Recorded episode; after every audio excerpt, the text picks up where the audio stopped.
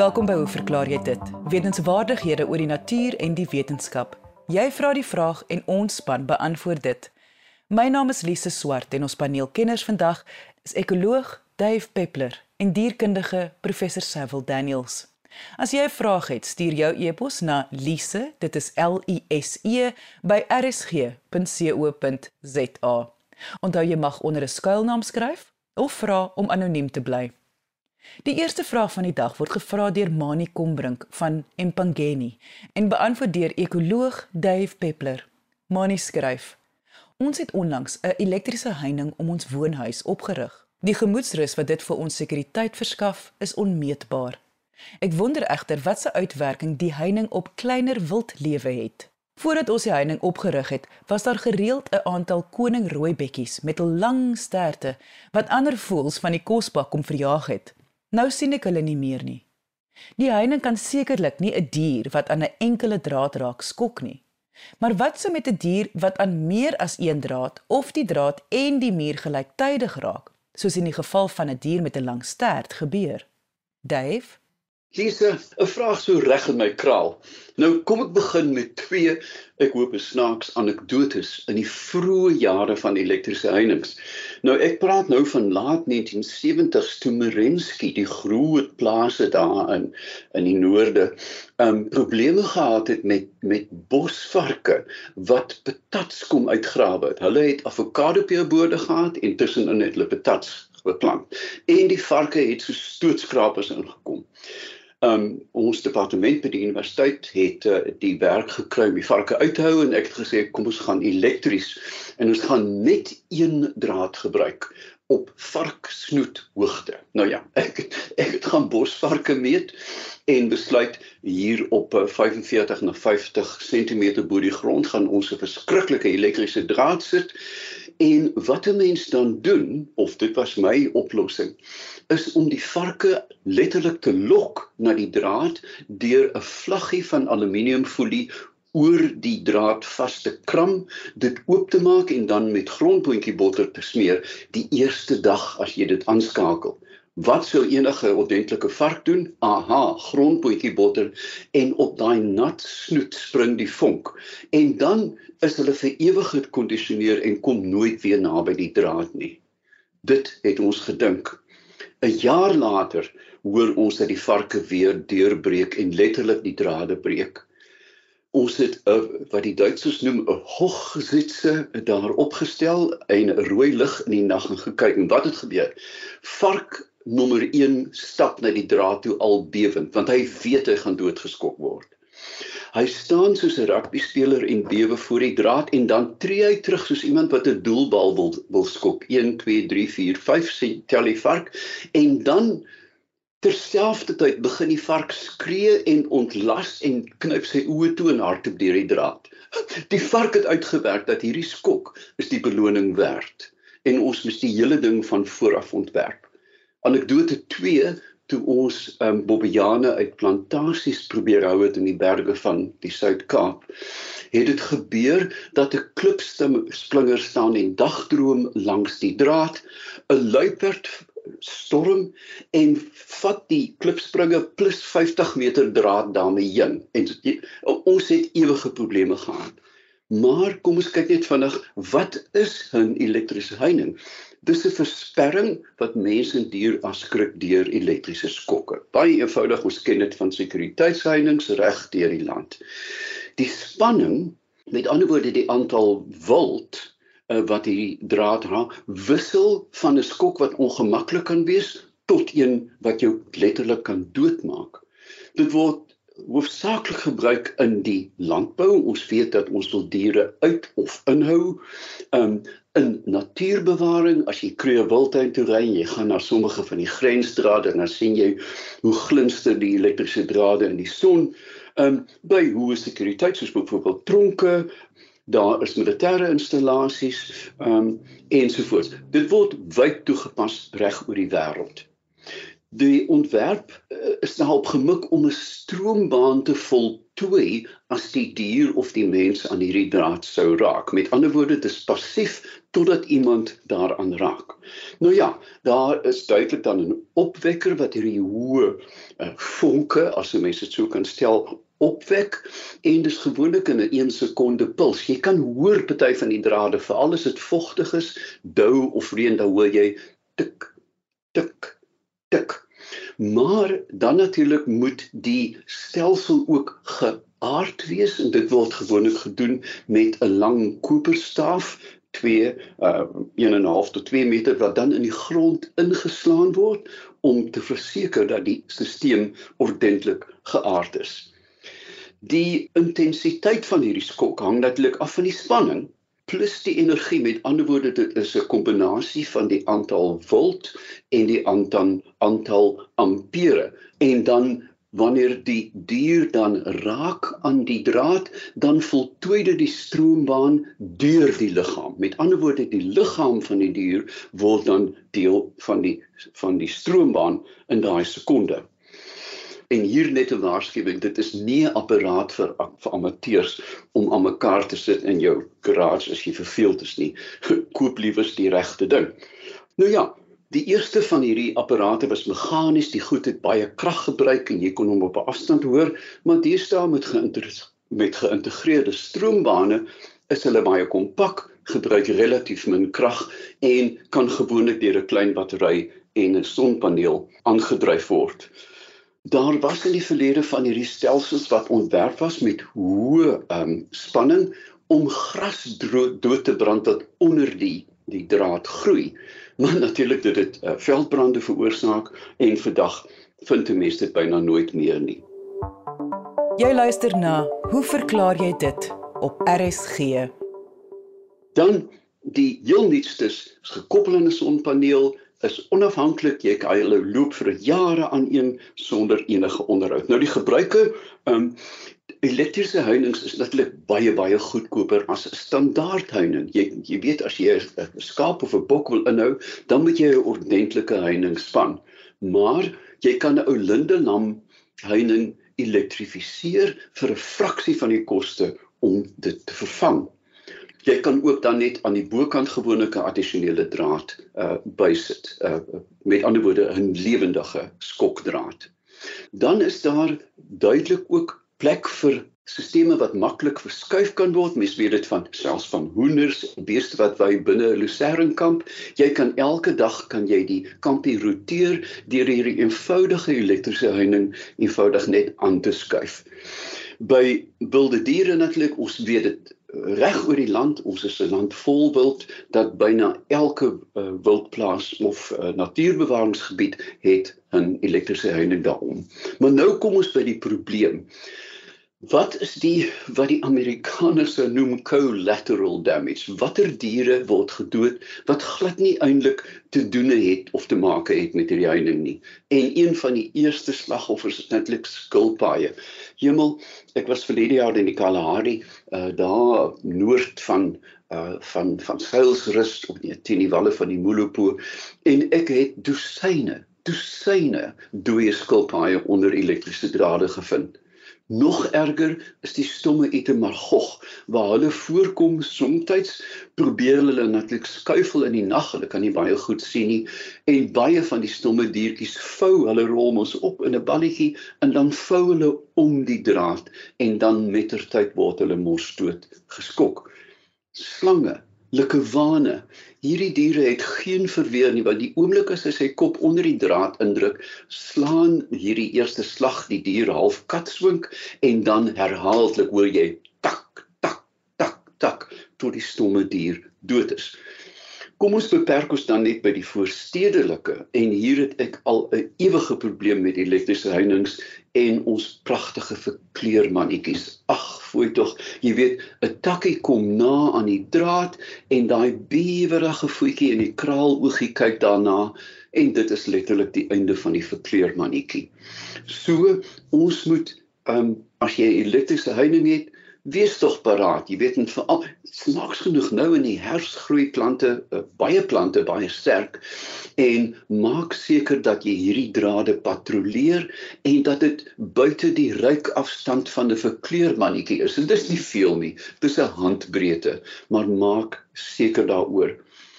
Mani het ook opgemerk dat sy koning rooibekkies verdwyn het. Nou ja, ek sou dit beskou as 'n baie goeie ding want hulle verniel die voëlbevolkings onvoelbakke.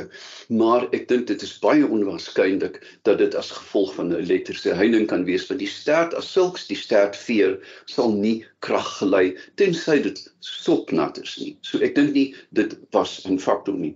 So kry vir jou 'n snoeisker en maak seker dat jou heining veilig is vir die kleiner diertjies. Jy weet 'n klein slangetjie, 'n klein boomslang, ehm um, kan maklik gedood word. Ek persoonlik ry met 'n met 'n uh, snoeisker in my rugsak met my fiets en ek wag vir die dag wanneer ek gevang word op heterdaad besig om iemand se tuin te snoei en voorblad nie sal wees. Maar intussen hou ek dit vol. En dit was ekoloog Dave Peppler As jy 'n vraag het, stuur jou e-pos na lise@rsg.co.za. Ons volgende vraag kom van Willie van die Oeverberg en word beantwoord deur dierkundige professor Sewil Daniels. Willie skryf: My navraag handel oor die genetiese verskil of dan die gebrek daaraan by jagluiperde en onder andere Europese spreeus. Onlangs berig RSG dat daar 5 jagluiperd welpies gebore is in 'n reservaat. Enigste volwasse diere in die reservaat is hulle ouers.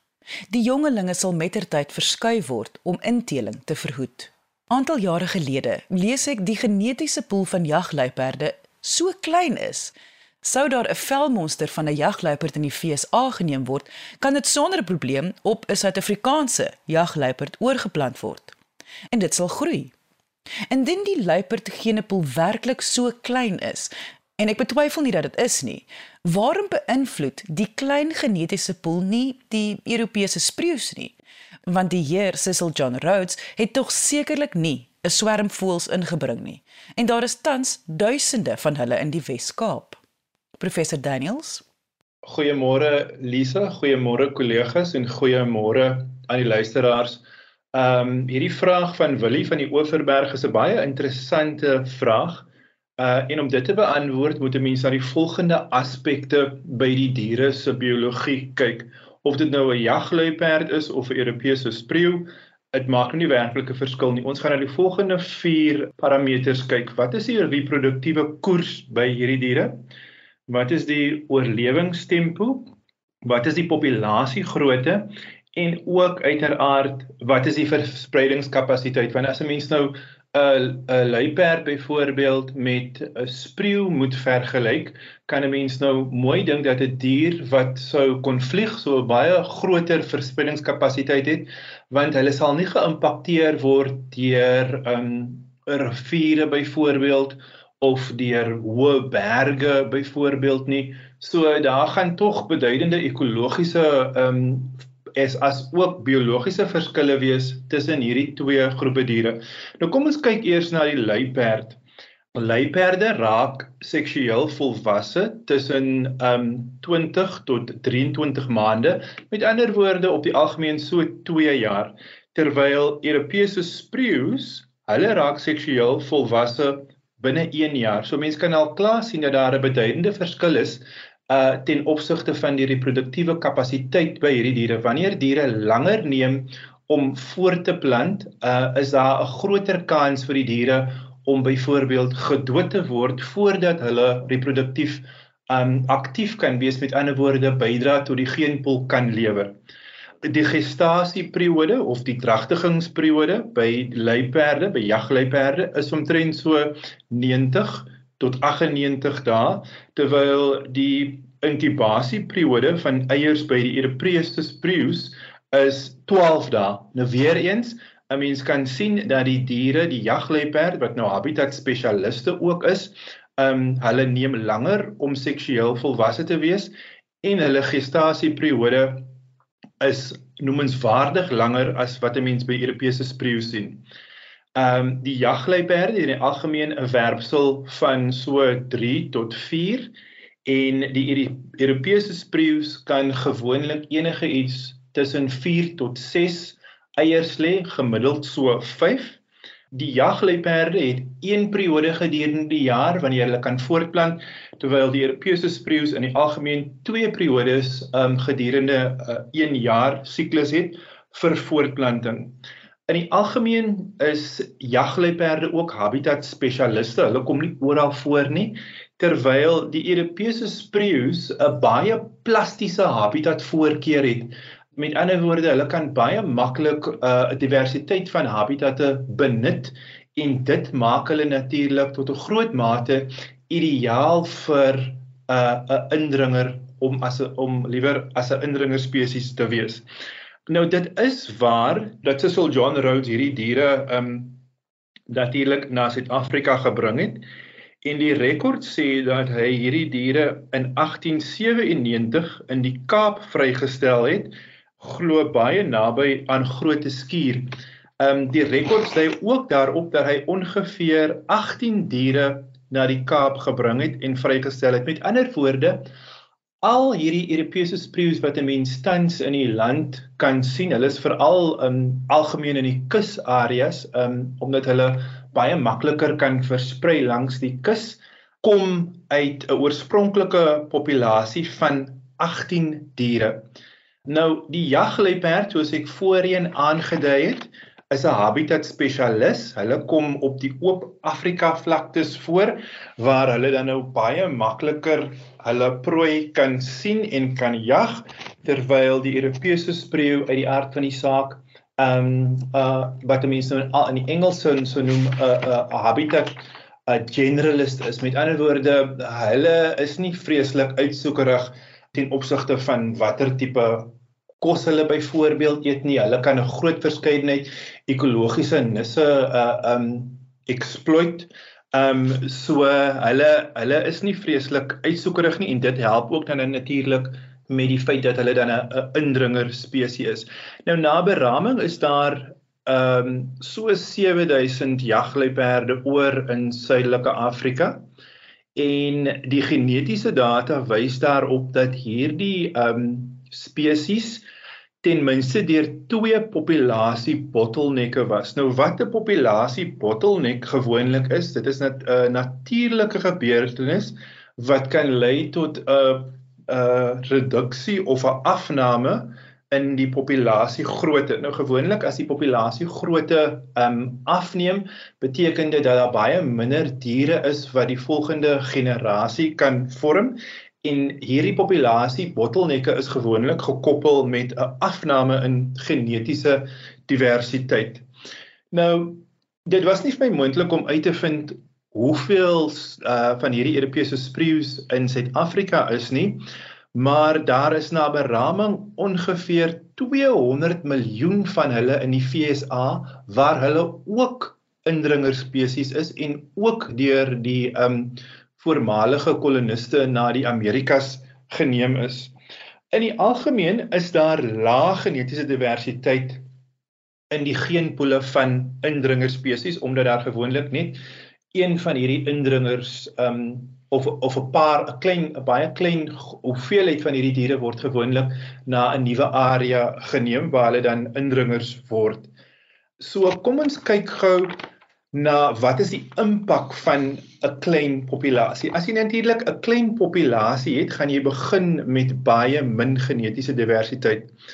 Maar nou is die vraag as daar baie lae genetiese diversiteit is, met ander woorde daar's in die begin baie hoë inteling van konspesifieke diere, met ander woorde diere van dieselfde bevolkings um, met mekaar. Hoekom sien 'n mens nie dat daar 'n uh, genetiese seleksie is vir hierdie diere om werklik baie meer byvoorbeeld siektes of afwykings te toon wat hulle minder aangepas sou maak by die omgewing nie want dit is nie werklik wat 'n mens waarneem by um indringe spesies nie. Nou in die algemeen word hierdie voorkoms of die verskynsel word genoem 'n genetiese paradoks. Met ander woorde, jy verwag dat daar min genetiese diversiteit is en dat die diere dan derhalwe nie baie maklik sou kon voortplant en gou sou kon versprei nie want daar's baie min variasie in die genepool om met die variasie in die omgewing byvoorbeeld te kan hanteer. Nou daar's 'n paar meganismes wat diere in die algemeen gebruik om hierdie genetiese paradoks met ander woorde hierdie lae genetiese diversiteit te probeer oorbrug. Hulle kan byvoorbeeld by sekere uh um indringer spesies kan die diere aseksueel uh voortplant of hulle kan self bevrug. Dis natuurlik nou nie wat 'n mens waarneem by spreeus nie, maar dit is een van die meganismes wat die diere kan gebruik.